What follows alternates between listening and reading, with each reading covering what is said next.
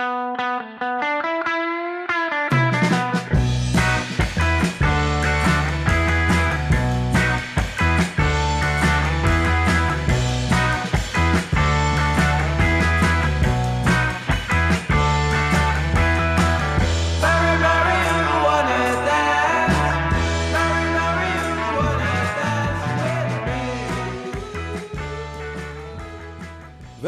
bij High Tea met Dirk en Rens, een podcast over cannabis. Mijn naam is Dirk Bergman. En mijn naam is Rens Hoppenbrouwers. In deze podcast praten we over cannabis en alles wat met de plant te maken heeft. En vandaag hebben we een hele bijzondere gast in de studio. Namelijk niemand minder dan meester J.L.A.M. Rozen, de, het geheime wapen van het VOC. Welkom, John. Uh, nou, ik ben hier heel graag op bezoek. Want cannabis ligt me zeer aan het hart. Kijk, we zullen in de rest van de uitzending horen hoe dat allemaal precies zit en hoe dat allemaal eh, zo gekomen is, denk ik. Eh, even kijken, naast onze vaste rubrieken, laten we die niet vergeten, die ook deze uitzending weer voorbij komen. De rubriek Wat zit er in je joint vandaag? De rubriek Nog iets nieuws. De oude doos en vragen van luisteraars. Dit is High Tea met Dirk en Rens, aflevering 3. Met vandaag aandacht voor de legalisering van cannabis in Mexico. Wietplanten te koop bij de Aldi in Zwitserland. Maastricht versoepelt het deurbeleid bij de coffeeshops. En het proces tegen de grootmoeder van de Spaanse cannabisbeweging, Fernanda de la Figuera, volgende week in Malaga.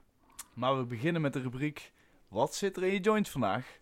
En John, eh, het valt me inderdaad op dat jij geen jointje aan het roken bent. Nee, ik rook een sigaar. Altijd gedaan, nooit cannabis gerookt? Ik ben, ik, ik ben pas gaan roken op mijn veertigste. Toen had ik een baan met, veel vergaderingen. En er stond een doos met sigaren en sigaretten midden op tafel. En uit verveling ben ik sigaren gaan roken. Nooit over mijn longen dus. En ik heb één keer in mijn leven, eh, kerstmis 2000, 1965, ik moet nou, kerstmis 1965, bij een vriend, een joint gerookt. En dat was een geweldige belevenis, want ik had al vier dagen last van ernstige constipatie vlak voor het kerstdiner. en dat ben ik dus door die joint helemaal kwijtgeraakt. Maar dat was mij geen aanleiding om in, daarna nog ooit weer een nieuwe joint op te steken. Ik hielp er gewoon bij de twee harddrugs, alcohol en tabak. Ah, ja, ieder zijn ding hè, heerlijk. En Dirk, wat zit er in jouw eh, joint vandaag?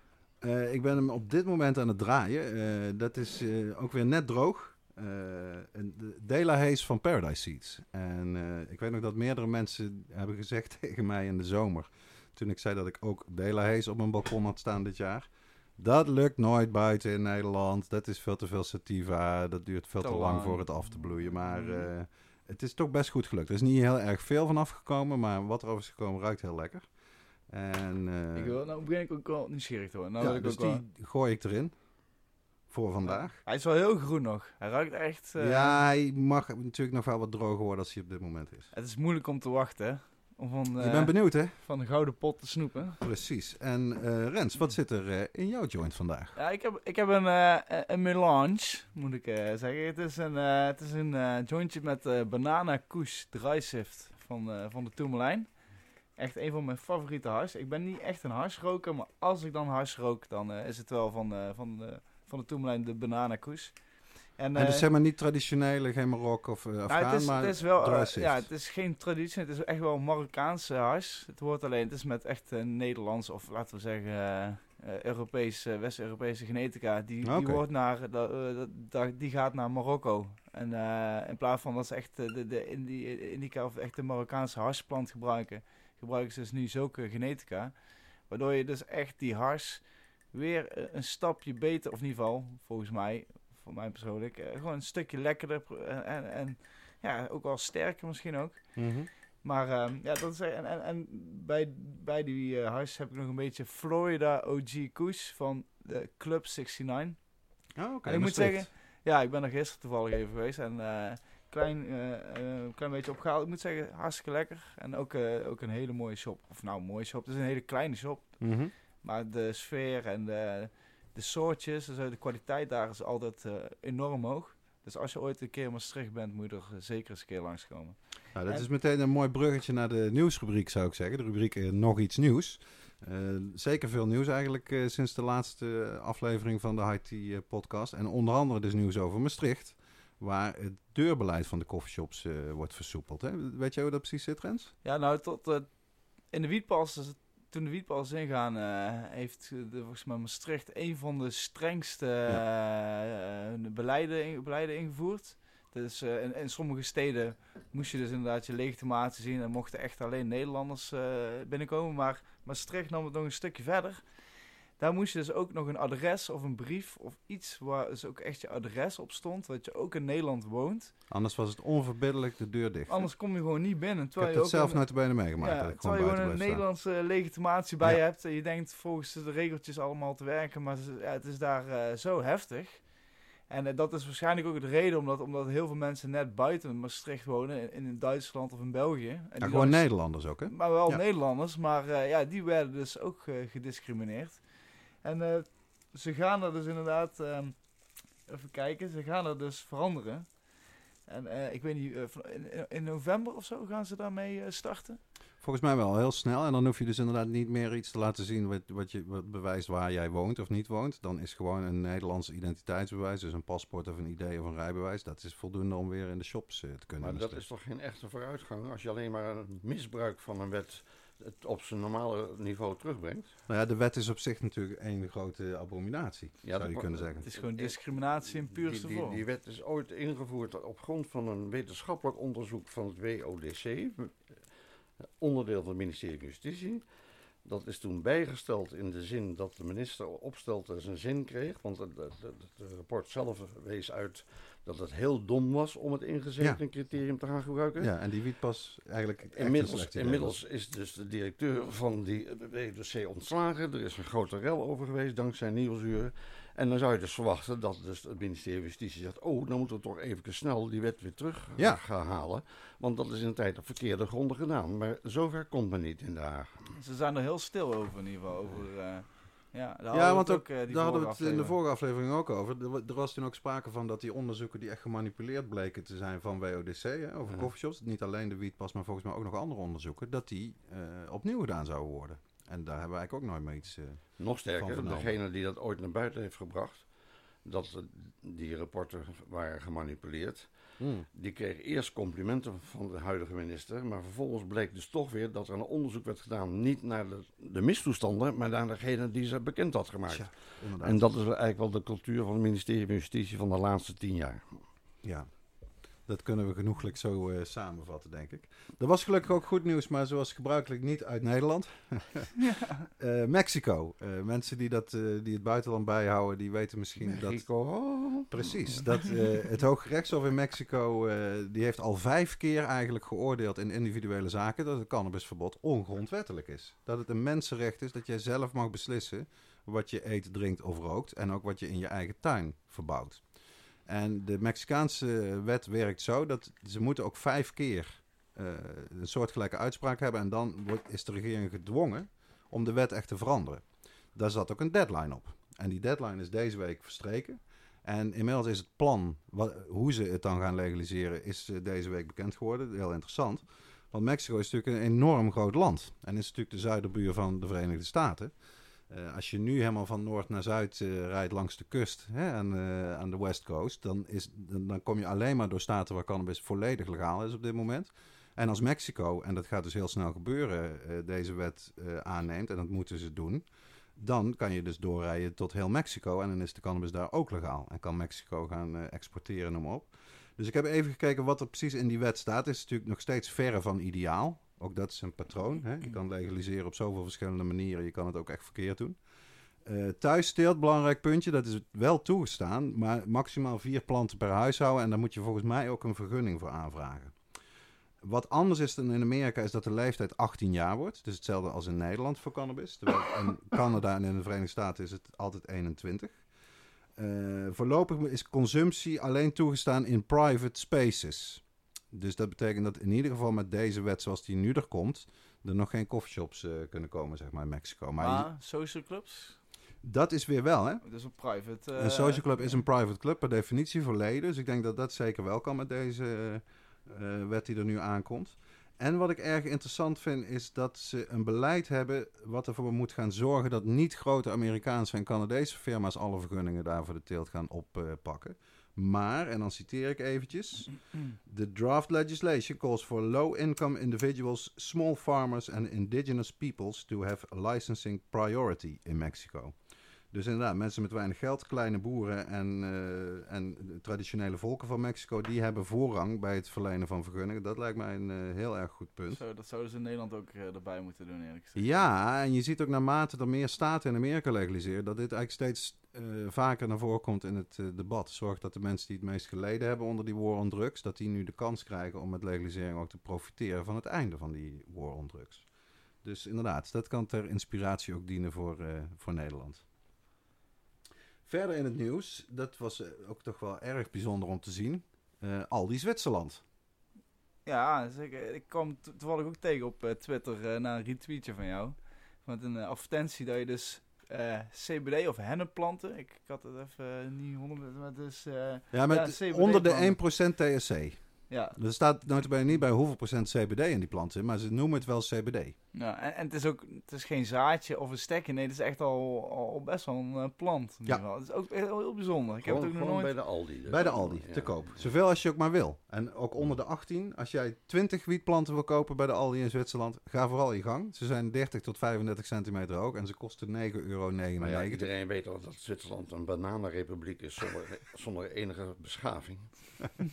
Precies, we kunnen ook verwachten dat de maatschappij daar op korte termijn in elkaar stort nou ze wietplanten bij de Aldi verkopen. Ja, ja. Ah, is- ik vind het ook wel. Het is wel weer eh, een stapje verder in de normalisering van cannabis. En eh, Absoluut, mensen zien die planten in hun eigen supermarkt. Dat is zo geweldig. het zou tijd worden om Nederland er ook eh, mee, mee vandoor. Maar voordat we alle nieuws behandelen, zou ik het zelf heel erg leuk vinden om John eens te introduceren. Tja, we Want vergeten het we hebben zat nieuws. En laten we toch eens even tussendoor gewoon naar de, de luisteraars even vertellen wie John eigenlijk is. Of laat het zelf eens vertellen. John, Uitstekend plan. Mijn, mijn naam is John Rozen. vertel. Ik word altijd aangeduid als meester John Rozen, want dat maakt dan wat meer indruk. En ik treed op als vertegenwoordiger van het VOC bij overheid en vooral de, de Kamerleden. En die zijn altijd verbaasd dat er een, me- een meester in de rechten met een eh, rechtse uitstraling, wat kleding betreft, blazer, gaatjes, schoenen, stropdas, altijd stropdas, The Works. de, VOC komt vertegenwoordigen. Terwijl het in het begin, toen ik daarmee begon, dat is bijna tien jaar geleden. Toen hadden ze dus verwacht dat daar een of andere schuifelende eh, man met getatoeëerde armen hun kamer zou binnenstiefelen. Dus dat was al een heel leuk begin. En toen ik ook nog vertelde dat ik zelf maar één keer in leven één joint had gerookt, vroegen ze dus, maar waarvoor maakt u zich dan druk over die cannabis? En toen zei ik, omdat het verbod op cannabis niks te maken heeft met wel of niet roken, maar met de vrijheid van de burger om zijn eigen leven in te richten. En dat was ook meteen een van de leukste dingen om te vertellen. Dat de liberale VVD, die dus opkomt voor zo min mogelijk overheidsbetutteling, hierin juist het voortouw heeft gehad altijd. En daarmee heb ik dus toch, toch wel aardig wat eh, begrip gekweekt. Waar nog bij komt, en dat is het standpunt geweest van, van het VOC, het Verbond tot Opheffing van het Cannabisverbod, waarvan ik dus dan nu de, politieke vertegenwoordiger ben, dat hij altijd heeft ge- ge- gezegd dat wij niet moeten pleiten voor een, een milder beleid, maar dat we met feiten moeten komen, dus niet pleiten, maar feiten, waaruit we kunnen aantonen hoe onzinnig deze repressieve eh, beleidscode van de laatste tien jaar is geweest. En we kunnen dus nu ook zeggen, omdat VOC verschillende eh, bidboeken, dat zijn dikke brochures, mooi geïllustreerd, met, allemaal feiten internationaal bij elkaar, wetenschappelijk, met voetnoten en alles. Dat is geen Kamerlid meer die niet weet hoe het zit. Dus er zijn dus twee mogelijkheden waarom ze nog steeds tegen zijn. Dat is angst voor, eh, eh, zetel, voor zetelverlies. En het is eh, eh, ja, toch de, het idee van, ja, eigenlijk is, vooral in de christelijke hoek, eigenlijk is genot iets zonders. En we hebben al zoveel genotsmiddelen, er moet er niet nog eentje bij komen. Ja, dus eigenlijk ook het foutieve idee dat als je iets verbiedt, dat het dan niet meer verkrijgbaar is en dat het niet meer gebruikt wordt. Wat natuurlijk een van de grootste misverstanden is over eh, prohibitie, kan je zeggen. En waar ik ook op ben gestuurd, en dat, dat speelt nog steeds, dat is dat in de beleving van, van Kamerleden, met hun barbecues op het Binnenhof, met korenwijn en, en, eh, vleespiezen, En eh, met een haring, is met korenwijn en, eh, en, en haring. Dat het in de beleving van de, van de Kamerleden alcohol eigenlijk geen druk is. Terwijl het is in de ranking van het RIVM, u weet al dat bekende RIVM, wat onlangs weer in het nieuws kwam met de boerenopstand. Dat het RIVM heeft een ranking gemaakt van de schadelijkheid van deze de drugs in Nederland. Daarin staat heroïne en crack op nummer 1 en 2, alcohol op 3 en tabak op 4. Dat zijn allemaal harddrugs, omdat je heel moeilijk kunt afkicken en omdat er dus een overdosis mogelijk is. In deze ranking staat op nummer 11 cannabis, wat een softdrug is. En dat zal wel interessant zijn om te weten. Die komt dus nog na de bekende eh, slaap- en kalmeringsmiddelen zoals uh, oxazepam en temazepam, die bij honderdduizenden... Huh? Valium. Halim die bij honderdduizenden pillen eh, eh, per dag worden voorgeschreven door de, door, de, door de huisartsen. En wij zouden het al heel fijn vinden als ook de huisartsen gewoon konden zeggen: U hebt, bent, hebt een beetje pijn of u bent een beetje gestrest, neemt u maar een joint. Of neem een paar druppeltjes wietolie, wat natuurlijk tegenwoordig ook eh, een, een, ja, een populaire manier is om wiet eh, te nemen als je niet wil of kan roken. Ja, of eten. Ja, ja. Eten, Ja. druppelen, En, en verdampen. ben je daarom zo vast, heb je het daarom het onderwerp zo vastgegrepen? Of wat Nee, is nee, de... dat Maar daar zit nog een persoonlijke component ook nog ja, aan, hè? dat is Ja. heel grappig. Zijn- Ik, ben ik eh, zeer benieuwd naar. Ik, eh, ik ben dus al een tijd gepensioneerd en, en een jaar of tien geleden ongeveer ging ik eh, met Henk Ponsin, de oprichter van Cannabis College en de eerste voorzitter van het VOC en thans nog steeds erevoorzitter, met Henk Ponsin en een andere middelbare schoolvriend gingen wij met, met de camper van Henk, die ooit nog van Jan Vrijman was geweest, want eh, Henk was een cineast en was bevriend met Vrijman zijn we naar de, de slagvelden in Vlaanderen geweest en Noord-Frankrijk vanuit de Eerste Wereldoorlog, waar ik al een paar keer met die andere vriend heen was geweest. Een gepromoveerde historicus met een obsessie voor de Eerste Wereldoorlog. En Henk wilde ook wel een keer mee en toen zei hij, wat, we gaan met jou campen. En in die camper, dat ik naast hem zat en op de weg tuurde, vertelde hij mij dat hij dus betrokken was bij cannabisbevrijding. En hij liet me toen lezen een rapport van de oud-hoofd eh, van de vak, politievakbond van Duin. eh, waarin hij dus als eerste al een pleidooi hield eh, voor, ehm, voor dus de eh, legalisering. Maar ik- had nooit begrepen dat het zo streng en repressief werd aangepakt in Nederland. Ik dacht, ach, we hebben toch coffeeshops, het kan toch al. Maar Heel veel mensen die hebben, Ja, die, eh, ja. hebben dat idee, hè? Dus toen eh, ik daarvan na een paar weken na die reis eh, belde Henk mij dus op en die zei: Kunnen we niet eens even brainstormen? Want dan komt weer even het andere aspect tevoorschijn. Ik ben tot mijn pensionering lobbyist geweest in Den Haag, de laatste tien jaar van mijn werkzame leven. Lobbyist voor onder andere de Nierstichting en voor de Nederlandse Vereniging van Makelaars. Dus ik heb, eh, laten we zeggen, ik had een heel aardig netwerk in, in die tijd nog, vlak na mijn pensionering. En of ik dus niet voor het VOC eh, dat zou kunnen doen. Het werd er uiteraard direct bij verteld dat het VOC geen middelen heeft. het, is een, Een stichting. het is een stichting die met, zonder commercieel oogmerk. Het is ook niet de vertegenwoordiger van de coffeeshops. Het is de vertegenwoordiger van de burger. Die dus recht heeft om zowel de coffeeshop te bezoeken als in zijn eigen tuin. En eventueel eigen- op zijn balkon een paar plankjes te telen, et cetera. En zelfs ook van de burger die helemaal niets heeft met cannabis of coffeeshops, maar die vindt dat dit een belachelijke aanwending is van belastinggeld. Geld en contraproductief. eh, ja. Nou, en, wat, eh. wat, wat er in dat verlengde toch een hele actuele opmerking. Zowel, eh, nou, of eigenlijk voornamelijk toch wel minister Grapperhaus heeft naar aanleiding van de moord op die advocaat Ja. ineens heel emotioneel gezegd dat iedereen die een pilletje gebruikt of een joint rookt eigenlijk bij- bijdraagt aan de instandhouding van het criminele circuit. En dat is eigenlijk een soort laatste eh, muur waarachter men zich besche- ver- verschanst. Eerst heette het dat men geen internationale verdragen mocht schenden. Nou, dan blijkt in Amerika verschillende staten dat wel te, te doen allang. Vervolgens werd er gezegd dat alles naar de export ging. Nou, waar, waar maak je dan zorgen over? En, maar eh, nog steeds... ja, en dat klopt ook helemaal niet. Dat is Nee, ook zo'n WODC-onderzoekje. Ook dan nog, maar het, het allergekste is natuurlijk dit: dat als jij zegt door een pilletje te slikken of door een joint te roken, hou je de criminele wereld in stand. Nee, het is natuurlijk andersom door het feit dat het niet legaal via apotheek, drogist of desnoods via Aldi te krijgen is. Hè? Dat is de echte oorzaak. En, en daarvan is weer het gevolg dat die enorme georganiseerde misdaad is ontstaan. Want die, die- met, met, met bankovervallen heb je geen eh, wijdvertakt eh, eh, organisatie nodig met een bron in Dubai. Dat kun je gewoon doen vanuit Breda. Dus Ja. Het verbod is het verdienmodel. ja, dat verbod zelf is dingen.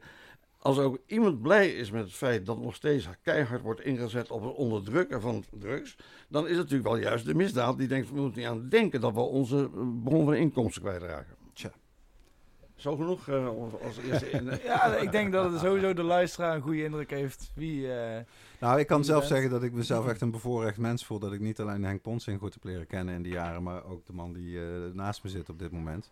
Want d- dat, eh, het zijn alle twee heel bijzondere en heel inspirerende mensen met enorm veel levenservaring en ook politieke ervaring. En in het geval van Henk misschien inderdaad, eh, nou in, in jullie beide geval ook spirituele ervaring. Ook dat vind ik heel mooi. Die, de camper eh, die net ter sprake kwam, de- daar heeft Henk ook eh, uitgebreid in India mee gereisd.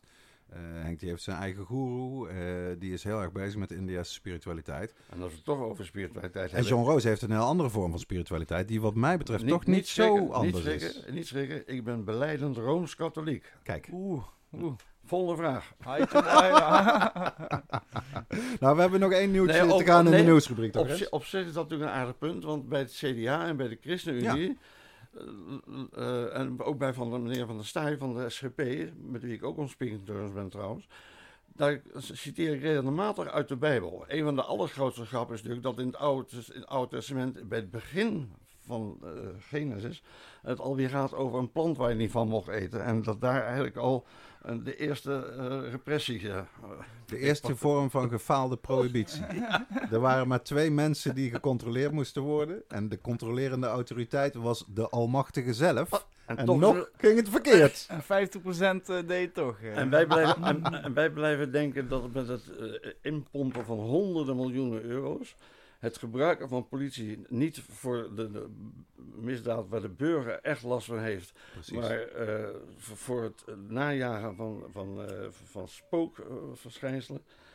dat wij- wij nog steeds blijven denken dat nog meer repressie, nog meer politie, nog meer opsporing een oplossing is. En, En dat is precies eigenlijk wat we de laatste weken gehoord hebben vanuit Den Haag. Meer repressie, hardere straffen, eh, Ja. strengere wetten, minder privacy, En als meer geld en er naartoe natuurlijk, En- meer en als- politie. Als, laatste, dus als nieuwtje. De oorzaak van alle ellende is de gebruiker. Als die nou op zou houden met eh, te gebruiken, dan was de misdaad weg. Tja. Nou, u begrijpt wel dat. eh, Je moet net kijken naar de Amerikaanse geschiedenis van de drooglegging. Tja. Waardoor is daar de grote georganiseerde misdaad met Al Capone, films genoeg over gemaakt. Waardoor is die ontstaan? Doordat je dus geen alcohol meer eh, legaal kon telen. Waardoor allerlei figuren in schuurtjes daarmee begonnen. En dat werd dus En heel rijk mee werden. heel Ja, rijk laat- mee. laten we sieraden eh, weghalen. Dan kunnen ze ook niet meer gejat worden. Ja, precies. Ja, nee. Ja. En als ze maar geen banken meer hebben, dan hebben we ook geen bankoverval. Ja. Ik hoorde Het is allemaal zo simpel. Ik, ik hoorde pas nog een aardige variant op, op het eh, argument van Grapperhaus.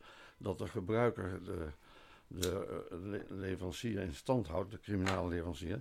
Dat kun je doortrekken naar het ge- gebruik van benzine. Als wij eh, benzine kopen langs de snelweg, dan houden we daarmee het Saoedische, Arabische eh, regime in stand. Nou, je hoeft daar niet als homo te proberen een joint op te steken.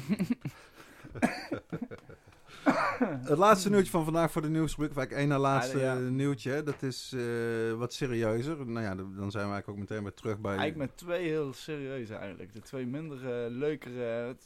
de, die- Ja, klopt. andere- De eerste twee waren heel, of drie waren heel positief. Ja. Waren- of waren po- en nou Nee, ja, je had een persoonlijk, eh, dat was voor mij ook wel even schrikken. Niet dat ik hem erg goed kende, maar ik laten we ken daar, hem wel. eh, eh.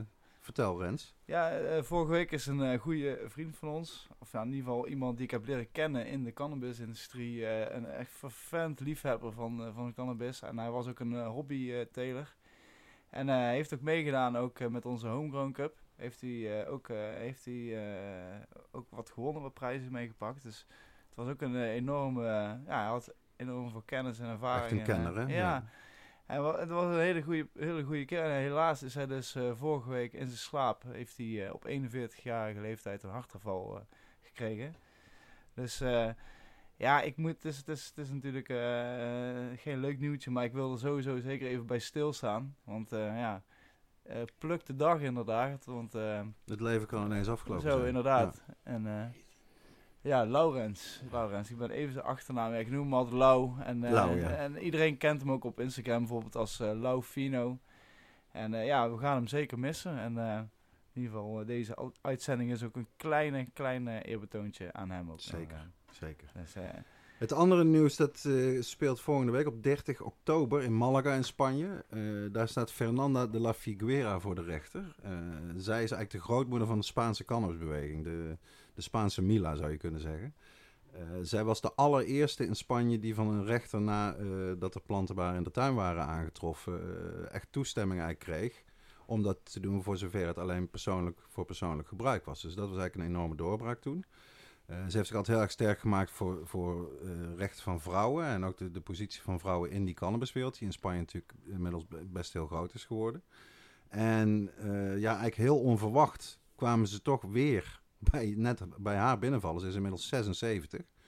En eh, krijgt ze het volle gewicht van de Spaanse staat eigenlijk over zich heen. En er is vier jaar cel tegen haar geëist. Dus dan zou ze van de 76ste tot de 80ste in Spanje in de cel door moeten brengen. Terwijl wat zij eh, heeft gedaan de laatste jaren in praktische zin, is in Malaga een kleine cannabis social club gerund. Met, ik geloof niet meer dan 150 leden of 200 leden maximaal. Allemaal vrouwen en bijna ook allemaal medicinale cannabisgebruikers. Dus dat ging echt puur over schone wiet voor zieke mensen. En daarvoor dreigt zij nou vier jaar in de cel eh, te komen.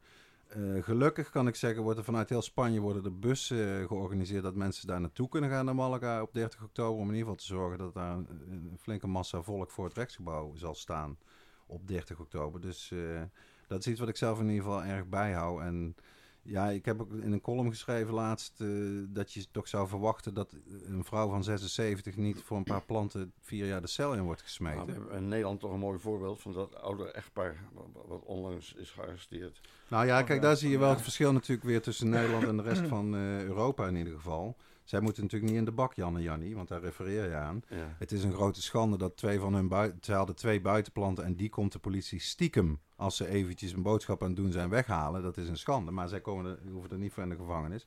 En dat dreigt nou wel voor deze eh, eh, dame, die ik zelf ook heb leren kennen... toen zij een Cannabis Culture Award kreeg in het Hashmuseum in Barcelona in 2012. En ja, da- dan heb je ook al in een minuut, als je met haar praat in de gaten, dit is het tegenovergestelde van een crimineel.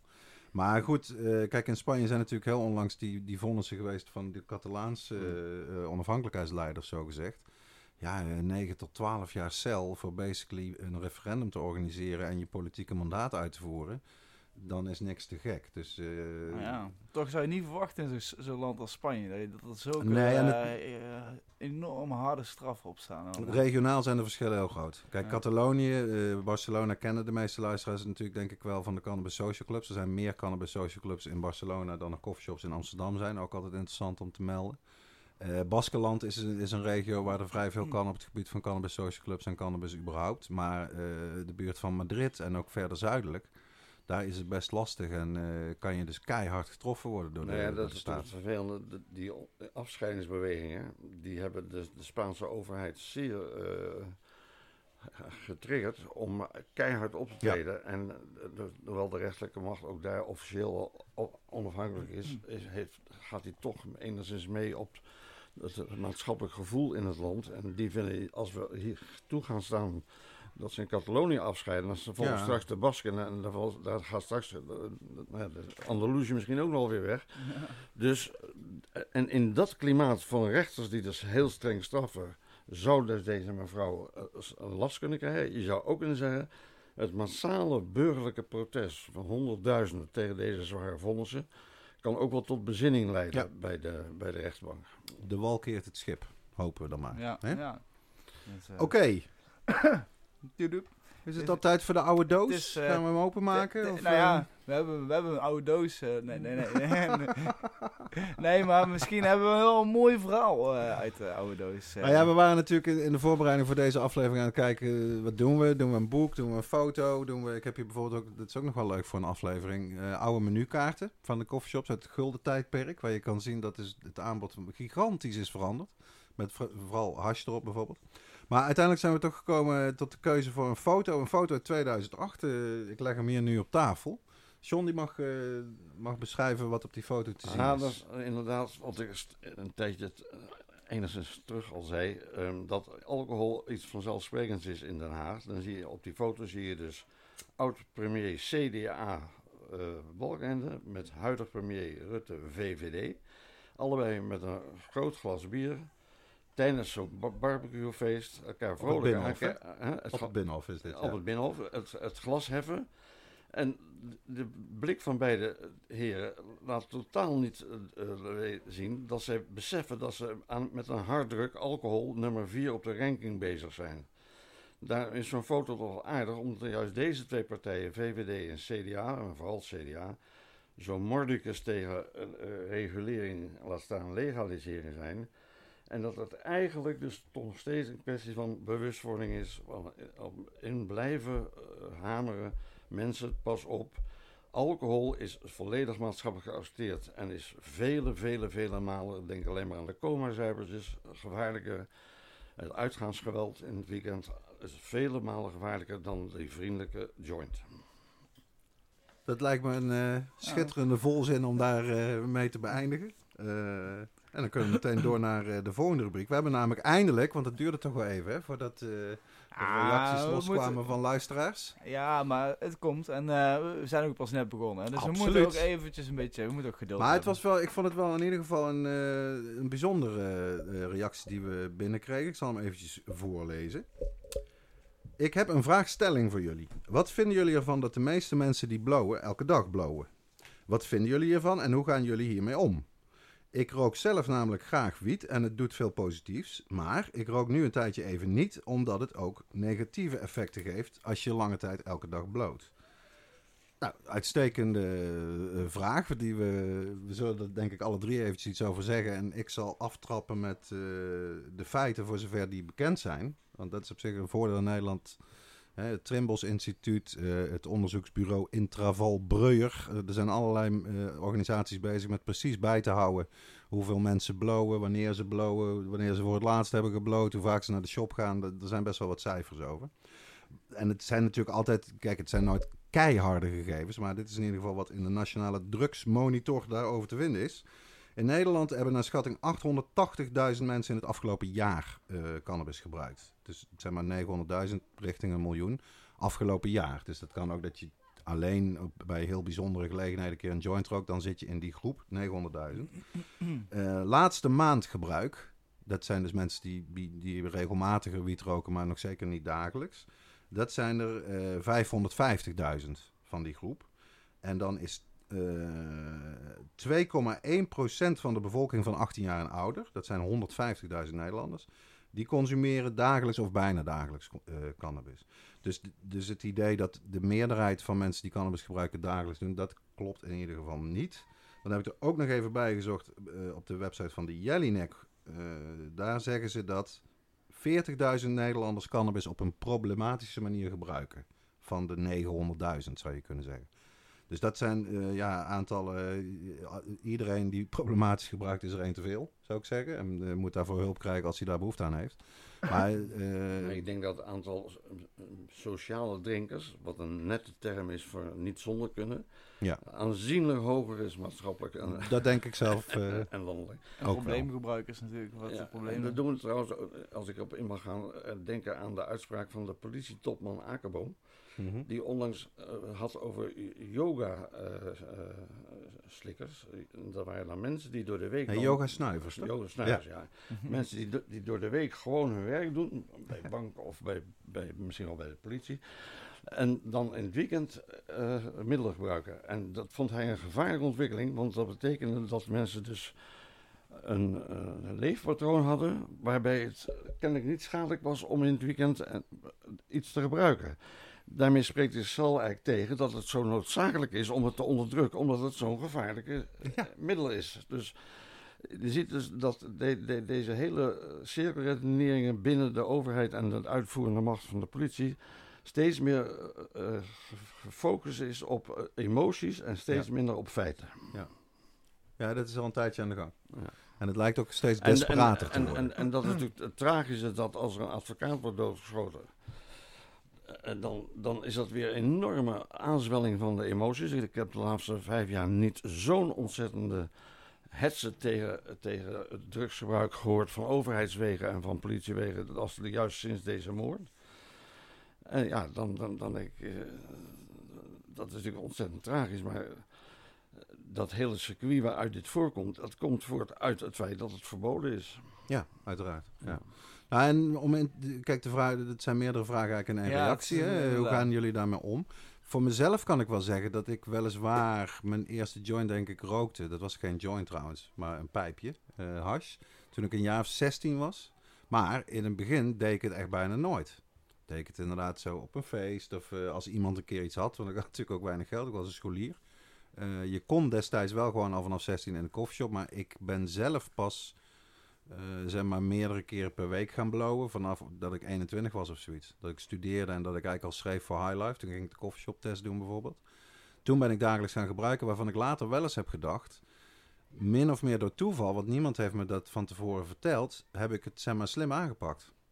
Want toen was dat ook helemaal niet zo bekend. Maar nu is het wel bekend. Hè? Tot je 21ste en volgens sommige wetenschappers tot je 25ste. Maar laten we zeggen 21ste zijn je hersenen nog in ontwikkeling. En is het echt slimmer om echt uit te kijken met zowel alcohol als ook cannabis. Want je hersenen zijn nog in ontwikkeling. Dus eh, met mijn eigen kinderen bijvoorbeeld heb ik dat aspect wel altijd benadrukt. Dat ik zeg, af en toe een keer cannabis maakt niet zoveel uit. Zelfs met drank, af en toe een keer drank, zelfs af en toe een keer dronken. Ga je niet dood aan. Dat laatste wil ik. eh, nee, je gaat inderdaad, niet, je gaat inderdaad niet dood aan tenzij. Nee, maar ook daar ben ik van mening, eh, hoewel ik natuurlijk zeker erken dat alcohol veel meer risico's heeft en veel schadelijker is dan cannabis, vind ik nog steeds dat je reëel ook daarmee moet omgaan naar je kinderen. En dat je niet moet zeggen, hel en verdoemenis als jij een, eh, een glas bier drinkt als je 17 bent. Nee. Eh, ik geloof ook niet daarin op die manier. Maar dus eh, als je het hebt over dagelijks eh, consumeren. Eh, voor mij is iets wat, wat is begonnen is vanaf mijn 21ste ongeveer. En mijn eigen maatstaf is eigenlijk altijd voor mijn eigen leven, maar ook in het algemeen. Als jij goed functioneert, hè, in je werk of eh, in, in je hobby's waar je mee bezig bent, in je relaties die je hebt met mensen om je heen, dat is de maatstaf. En dan kan je bij wijze van spreken eh, één dag per week eh, de hele dag je opsluiten en blowen, dan is dat eh, minder functioneren dan dat je elke dag bloot en elke dag ben je lekker bezig met je omgeving en met iedereen die erin zit. Dus dat is voor mij altijd een hele belangrijke maatstaf. Meer als hoe vaak rook jij of hoeveel rook jij, eh, hoe laat begin jij met roken. Nee, het gaat erom functioneer je. Ik heb het, ook het voordeel dat ik natuurlijk veel... Ik werk thuis. Ik ben een freelance journalist. Ik hoef niet naar een kantoor. Ik heb geen rijbewijs, dus ik rij geen auto. Dat zijn wel allemaal dingen die in mijn leven eh, makkelijker in te passen maken... dat ik eh, elke dag cannabis consumeer. Maar, maar- Terwijl ik daar wel gewoon blijf functioneren, ja? Ik wou even inhaken op dat autorijden. In- In de poging om de repressie zo hoog mogelijk op te voeren, is er eerst een wet gekomen die dus de, de toeleveranciers, dus de, de intratuin, Tja, de growshop-wet. de grootshopwet, waardoor dus als je een zak eh, kunstmest koopt of eh, potaarde, dan moet je als bediende van intratuin moet je al eh, eh, nagaan of degene die dat koopt het voor zijn begonia's doet of, om voor zijn, of voor zijn hash. Nou, dat was al een eerste stap om nog meer de, de, snoer aan te draaien. Maar toen, na- daarna is ook nog de, wet gekomen over het rijden onder invloed van cannabis. En dan is het vervelende van deze wet dat eh, men daar eh, totaal niet uitgaat van het effect op de rijgedrag, wat bij alcohol wel is. Want daar is na 24 uur is, ben je dus schoon en mag je dus zeker rijden. Er Ja. zijn mensen die maandagochtend rijden terwijl ze zonder laat hebben gezopen. En dat mag dus niet en terecht. Maar als je cannabis hebt gebruikt op zaterdag en je bent beroepsvrachtwagenchauffeur en je gaat dinsdag rijden en je wordt aangehouden en ze doen puur uit pesterij of uit, uit routine een test op cannabisgebruik, dan wordt het aangetroffen terwijl het absoluut zeker is dat het geen enkel effect meer heeft op de rijvaardigheid. Klopt, ja. Dat is in ieder geval bij de bloedtest zo, hè? Ik heb toevallig laatst, naar aanleiding van nieuws uit Finland, van, van de Hoge Raad daar, eh, precies over cannabis en eh, de rijvaardigheid, zeg maar, heb ik dat weer eens nagezocht. Kijk, een, een speekseltest, de spuugtest, eh, die kan tot 24 uur kan die cannabis aantonen. Het effect van cannabis duurt 4 tot 6 uur. Dus dat betekent dat je ook met die speekseltest nog 18 uur hebt, een periode dat je helemaal niet onder invloed bent, maar dat je wel positief reageert op een speekseltest. En dan, wettelijk gaat het om een bloedtest. Het vonnis wat je krijgt, het rijbewijs wat van jou wordt afgepakt, dat is op basis van een bloedproef. En in die bloedproef kan je tot weken nadat je gebruikt hebt. En mensen die regelmatig cannabis gebruiken, die zijn bijna altijd standaard. Met een bloedproef kan je sporen van. THC of die in een koffieshop werken. En hetgeen is geen enkel effect heeft op de rijvaardigheid en op de geschiktheid om als beroepschauffeur langs de weg te zitten. Maar Ja. ze, hebben dat, eh, ze hebben dat wel aangepast, hè? Ze hebben, eh, wat ik toen eh, ook... Ja, in weg- Finland wel, maar in Nederland nog nou niet. ja, wat ik, wat ik, het is letterlijk een keer een wegmisbruik is gekomen. Dat een, eh, een persoon die kreeg dus een, een een speekseltest. Mhm. En er werd dus cannabis aangetroffen. Maar omdat dus eh, hij geen andere drugs erbij had genomen, werd er niks mee, mee gedaan. En dat nu is echt- zijn de regels wel zo streng. Ik weet niet van wanneer dat was. Ze, ze hebben het echt aangepast. Want ze, ze, ze waren dus ook gewoon van bewust dat het inderdaad Mhm. eh, langer in je bloed is. En nou hebben ze het echt gedaan als jij maar alleen cannabis en je, en je wordt niet bijvoorbeeld blowend aangetroffen of met Mhm. een wietlucht of met een joint in je auto. Ik, ik, noem dat, ik noem dat het piep-syndroom. ik, ik, ik heb 30 jaar, vanaf 19, ja, 30 jaar heb ik in de, in de Haag rondgelopen in allerlei functies als eh, belangenbehartiger bij de politiek. En ik, bijvoorbeeld bij het eh, invoeren van, eh, van het eigen, de, de eigen bijdrage van de ziekenverzekering. Als je dus, je betaalt allemaal 100 euro in de maand ongeveer, plus zoveel procent van je inkomen tot een bepaald bedrag. Ja. Toen zei ik dus tegen de Kamerleden, dat raakte mij wel, die erover gingen. eh, maar hou je er rekening mee dat gepension, ja, eh, ja, gepensioneerden, die, eh, die, die moeten dus het volle, als ze bijvoorbeeld een pensioen hebben van 50.000 euro, dan moeten ze daar dus extra 3000 euro ziektekosten betalen.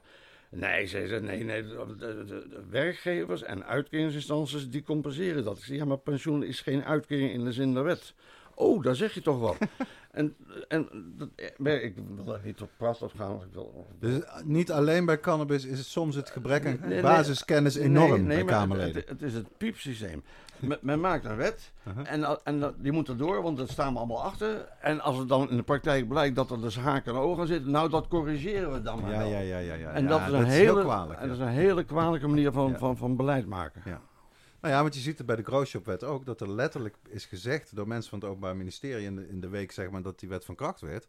We stoppen pas als elke Growshop dicht is. Terwijl, er, dat weet je ook allemaal nog, eh, John, in de memorie van toelichting bij die wet wordt heel expliciet gezegd. Het gaat om grootschalige, weet je, commerciële wietteelt. Da- daarvoor is de wet bedoeld. Het gaat niet om de thuisstelen met een gedoogd aantal plantjes. Dus ook om een growshop te sluiten moet er echt wel sprake zijn dat die growshop levert, bewezen, aan mensen die grootschalig bezig zijn met wiet. Niet aan de thuisstelen. Maar dat heeft onder andere Plantarium, een growshop uit Nijmegen, een waanzinnige rechtsgang gekost. Met alle kosten en ellende van dien. Heel een voorraad in beslag genomen.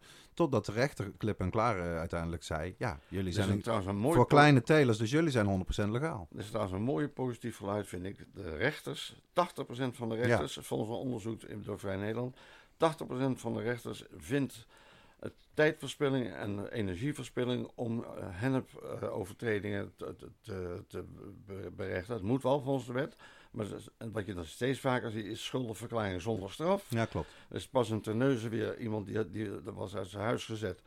Omdat hij dus eh, voor zijn eigen medicinaal gebruik de planten had, meer dan vijf.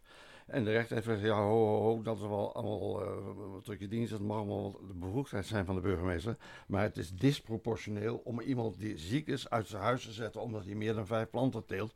Terwijl dat bewezen is dat zijn eigen huisarts zo heeft Ja. gezegd dat het goed voor hem is. Dus de, En beter dan wat ik kan Ja. krijgen bij de apotheek. Hè? Dat was daar ja, ook een overweging. Het, en goedkoper. Het, ei- het eigenaardige is dus dat in Nederland de rechterlijke macht op een bepaalde manier eh, meer de, de- de samenleving vertegenwoordigt dan de. Dan de Maar de- is dat de- niet de- zo bij meerdere van dit soort mm, issues die eigenlijk snel moreel worden, zoals euthanasie, eh, abortus, dat, dat de rechters in feite eh, wat vooruitlopen op de, op Ja, de politici? de- de rechters geven in hun vonnis aan dat de wet eigenlijk onhoudbaar is, maar helaas kunnen we niet anders. Ja. En eh, met daarin inbesloten het verzoek, eh, doe er wat aan, maak de wet anders. Ja. Ja. Wat ze dus in Mexico dus nou ook doen. Dus Ja, maar daar hebben ze echt dus een systeem ervoor. Ja, dat als maar- een rechter een aantal keren zoiets heeft gezegd, ja, dan moet je iets doen als Maar- regering. Maar Nou, ook dat pas, hebben we eh, niet. Pas even op de geweldige invloed van, van, van het recht in Nederland. De hele stikstofdramatiek Ja. van dit moment komt toch voort uit het feit dat de Raad, van State, en niet in zijn adviesfunctie, maar in zijn rechtsfunctie, heeft gezegd dat de overheid zich anders moet gaan gedragen. Dus ook hier geldt weer dat, dat, dat is eigenlijk de, de, de rustig oordelende rechterlijke macht, in welke vorm dan ook, meer kijkt naar de maatschappelijke context dan degene die Ja. ad hoc wetten maken. Maar ja, het is nog wel knap lullig als je dus toch nog die een van die 20% van die rechters eh, krijgt. eh, als, eh, dus we zijn er nog niet helemaal. maar Ja, willekeur blijft. Dan heb Ja. je nog hoger beroep natuurlijk. Ja, klopt.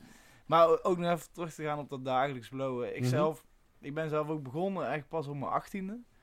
Of ja, 17, 18e. Maar ik, ik ben echt opgegroeid in de skateboard eh, scene, om het zo maar te zeggen. En daar was blowen eh, redelijk normaal.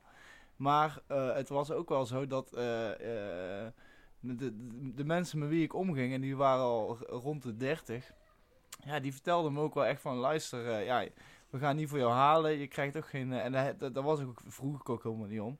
Maar toen heb ik wel al meegekregen van, nou, dat is iets voor volwassenen, voor ouderen. En, en eigenlijk eh, heb ik altijd in een wereldje gezeten en ik heb het ook nooit echt zo interessant gevonden. En eigenlijk pas toen ik 17, 8 was en eigenlijk mijn leeftijdsgenoten ook begonnen te blowen, ja, toen ben ik zelf ook begonnen. Inderdaad, eh, in het begin eh, één keer in de week of één keer in de maand en een aan. keertje. Maar ik moet zeggen, ehm, eh, ik beïnvloed, of be- bevo- bevordert echt mijn dagelijks leven. Voor, ik ben natuurlijk ook wel een gevoelig mens af en toe. En ehm, eh, ik kan er heel goed door werken, ik kan er goed door slapen, ik kan er goed door functioneren. Dus, eh, en ik ben eigenlijk eh, eh, eh, zes jaar geleden ben ik toen een keer met een vraag begonnen van... Ja, waarom kan ik bijvoorbeeld niet gewoon een een jointje kopen in mijn eigen stad? Veldo, of mijn eigen gemeente, want het is geen stad helaas, maar eh, een grote gemeente. Nou ja, bijna vijf- 45.000 inwoners. ja, we hebben eh, een ziekenhuis, we hebben alles. We hebben het grootste bedrijf van Nederland. eh tegenwoordig. Precies, dus... eh, Veel expats, veel jongeren. en, en ik, ik liep tegen zoveel eh hordes aan. En ook, eh, ook, ook als ik over cannabis gebruik eh, praatte, werd ik meteen eh, aangekeken of dat ik, eh, als, of dat ik het over heroïne of over eh, vrouwen verkrachten had. om even heel grof te zeggen. Maar en toen ben ik het echt gaan. En ja, toen ben ik het echt gaan realiseren van nou, er moeten gewoon mensen zijn die het gewoon durven uit te spreken. En die er ook vol durven voor willen gaan. Ook met een gezicht, een naam, alles. En toen kwam je bij het VOC terecht? En, toen en toen Als ik- vanzelf. En, en, en toen, ja, dat is wel Ja, eh, hoe het is. Ja, zeker weten. Nou, dan wil ik nog eigenlijk, even één ding zeggen, want ik doe het werk nu tien jaar voor het VOC. Mijn grootste, bitterste teleurstelling is geweest bij de, de, de totstandkoming van het huidige kabinet. Toen heeft in de formatie heeft D- D66 de aangenomen wet in de Tweede Kamer, aangenomen wet van regulering, waardoor we nu op het niveau van Canada hadden kunnen zitten, niet ingebracht in de, in de regeerakkoord. En daar, in plaats daarvan, om het CDA eh, maar mee te krijgen, daar afstand van gedaan en een halfslachtig, moeizaam, bijna zinloos experiment eh, geaccepteerd. Waarvan als het al succes heeft, het onmogelijk is om te, uit te, te, te leggen of het dan ook voor alles. eh, eh, Ja, en ook hoeveel effect het nou precies heeft op, op criminaliteit. criminaliteit, Want het et is heel klein, weet je. Maar- Maar, geen 10% van de coffeeshopgemeentes doet mee. Maar dat dus men in de formatie met, met het, in het zicht van de haven heeft gezegd: jongens, Ja. gooi, het, ha- gooi het anker maar uit. We gaan even gaan op, op zeil verder in plaats van op de motor. nou, dat is, een, eh, dat is mijn grootste teleurstelling. Maar, zoals ik al zeg. We blijven hopen, want het is een hinkstapsprong. Twee passen vooruit, één stap terug. En we komen er wel. Nou, John, het is toch een beetje een vast dingetje geworden als we echt weer op een nieuw dieptepunt eh, qua politiek eh, terecht zijn gekomen, dat jij Willem van Oranje dan eh, oh ja, ja, ja. citeert. Willem dat van geeft mij ook altijd veel moed. De, de vader des vaderlands, Willem van Oranje, die heeft een, een internationaal bekende uitspraak gedaan. En dat, in het Frans is dat heel netjes. Il faut pas espérer pour entreprendre, en ni réussir pour persévérer. En dat is in het Nederlands, is dat, men hoeft niet te hopen om te beginnen.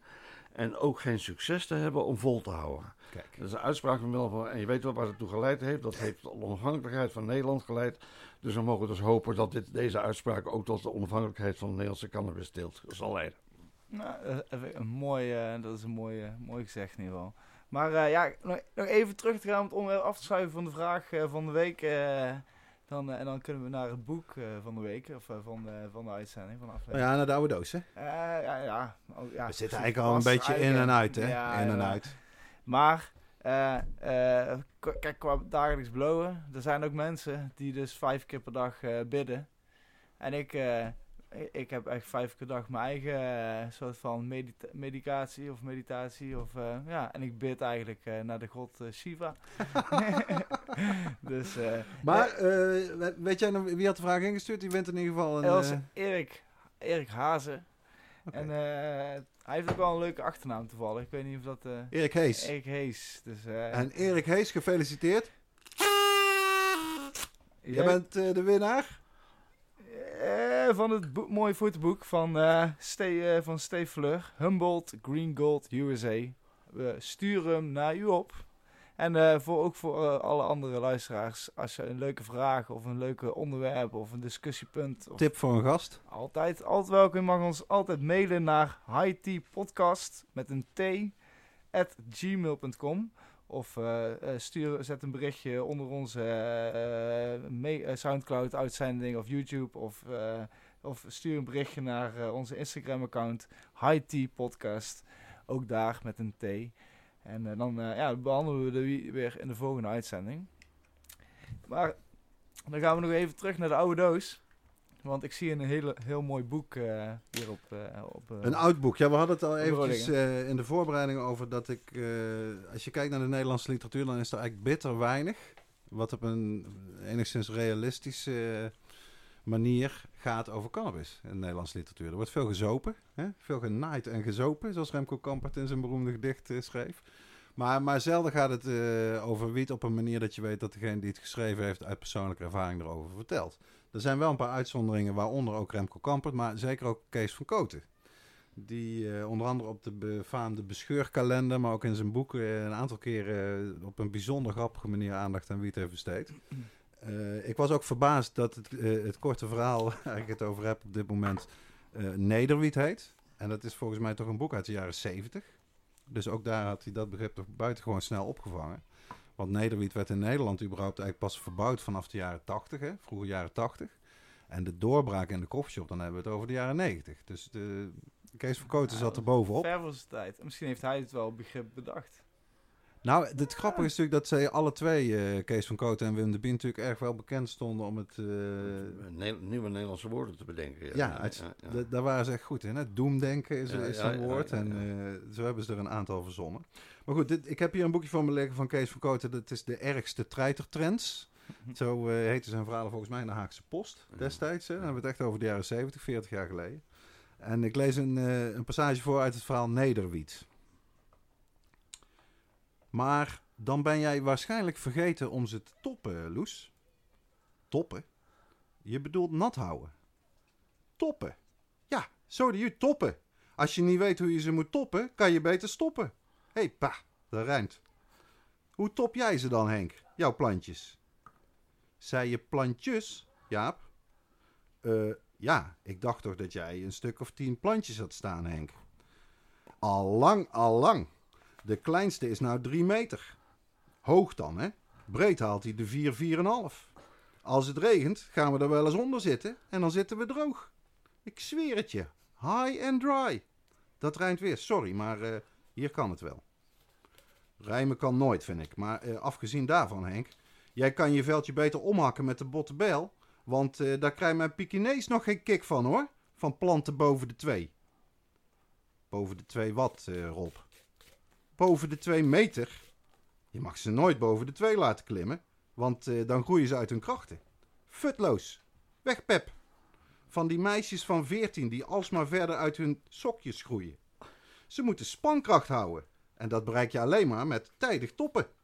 Je hebt ze waarschijnlijk te laat getopt of slordig getopt. Toppen is namelijk een heel precies werkje. En je kan nog altijd beter te vroeg toppen dan te laat toppen. Je had me even moeten aanroepen, Henk. Want nou zit jij met een akker zoethout, als ik dat zo hoor. Erg, erg jammer. God, wat zonde. Maar eh, hoe top jij ze dan, Rob? Dat zal jij nou gek vinden.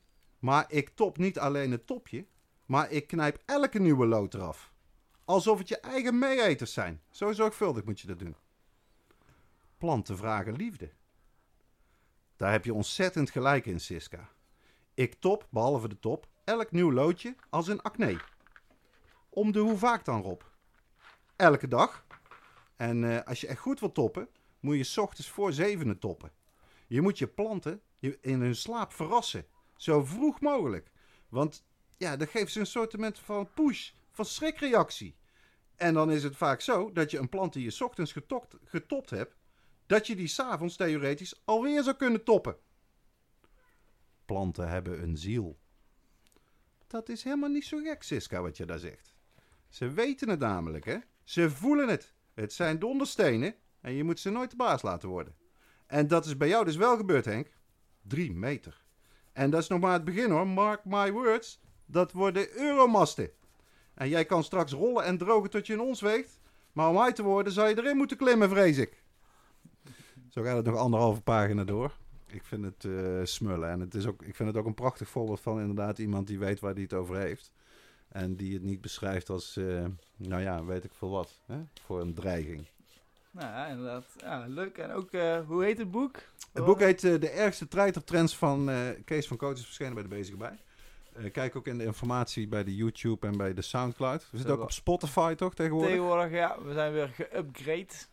Dat bedoel ik. Ja. Dus daar zie je de, een aantal van de dingen die we behandeld hebben in de uitzending van vandaag. eh, linkjes, eh, boeken, eh, noem het allemaal maar op. eh, kan je daar eh, terugvinden.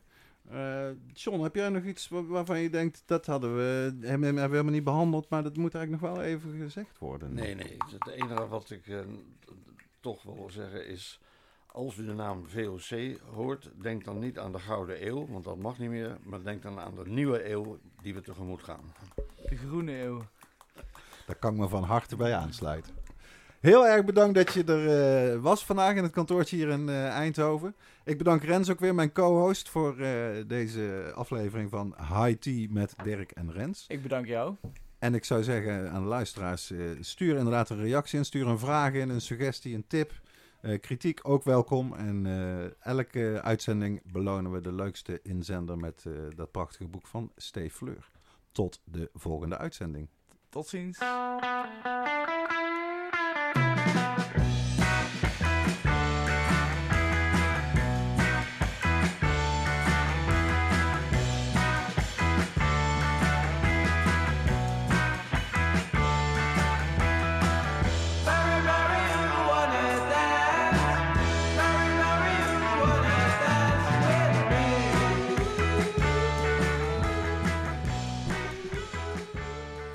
IT met Dirk en Rens wordt gemaakt door Dirk Bergman en Rens Hoppenbrouwers. Onze tune is Marijuana van Moon. Beluister de muziek via iTunes en Spotify. Volg IT op Instagram, at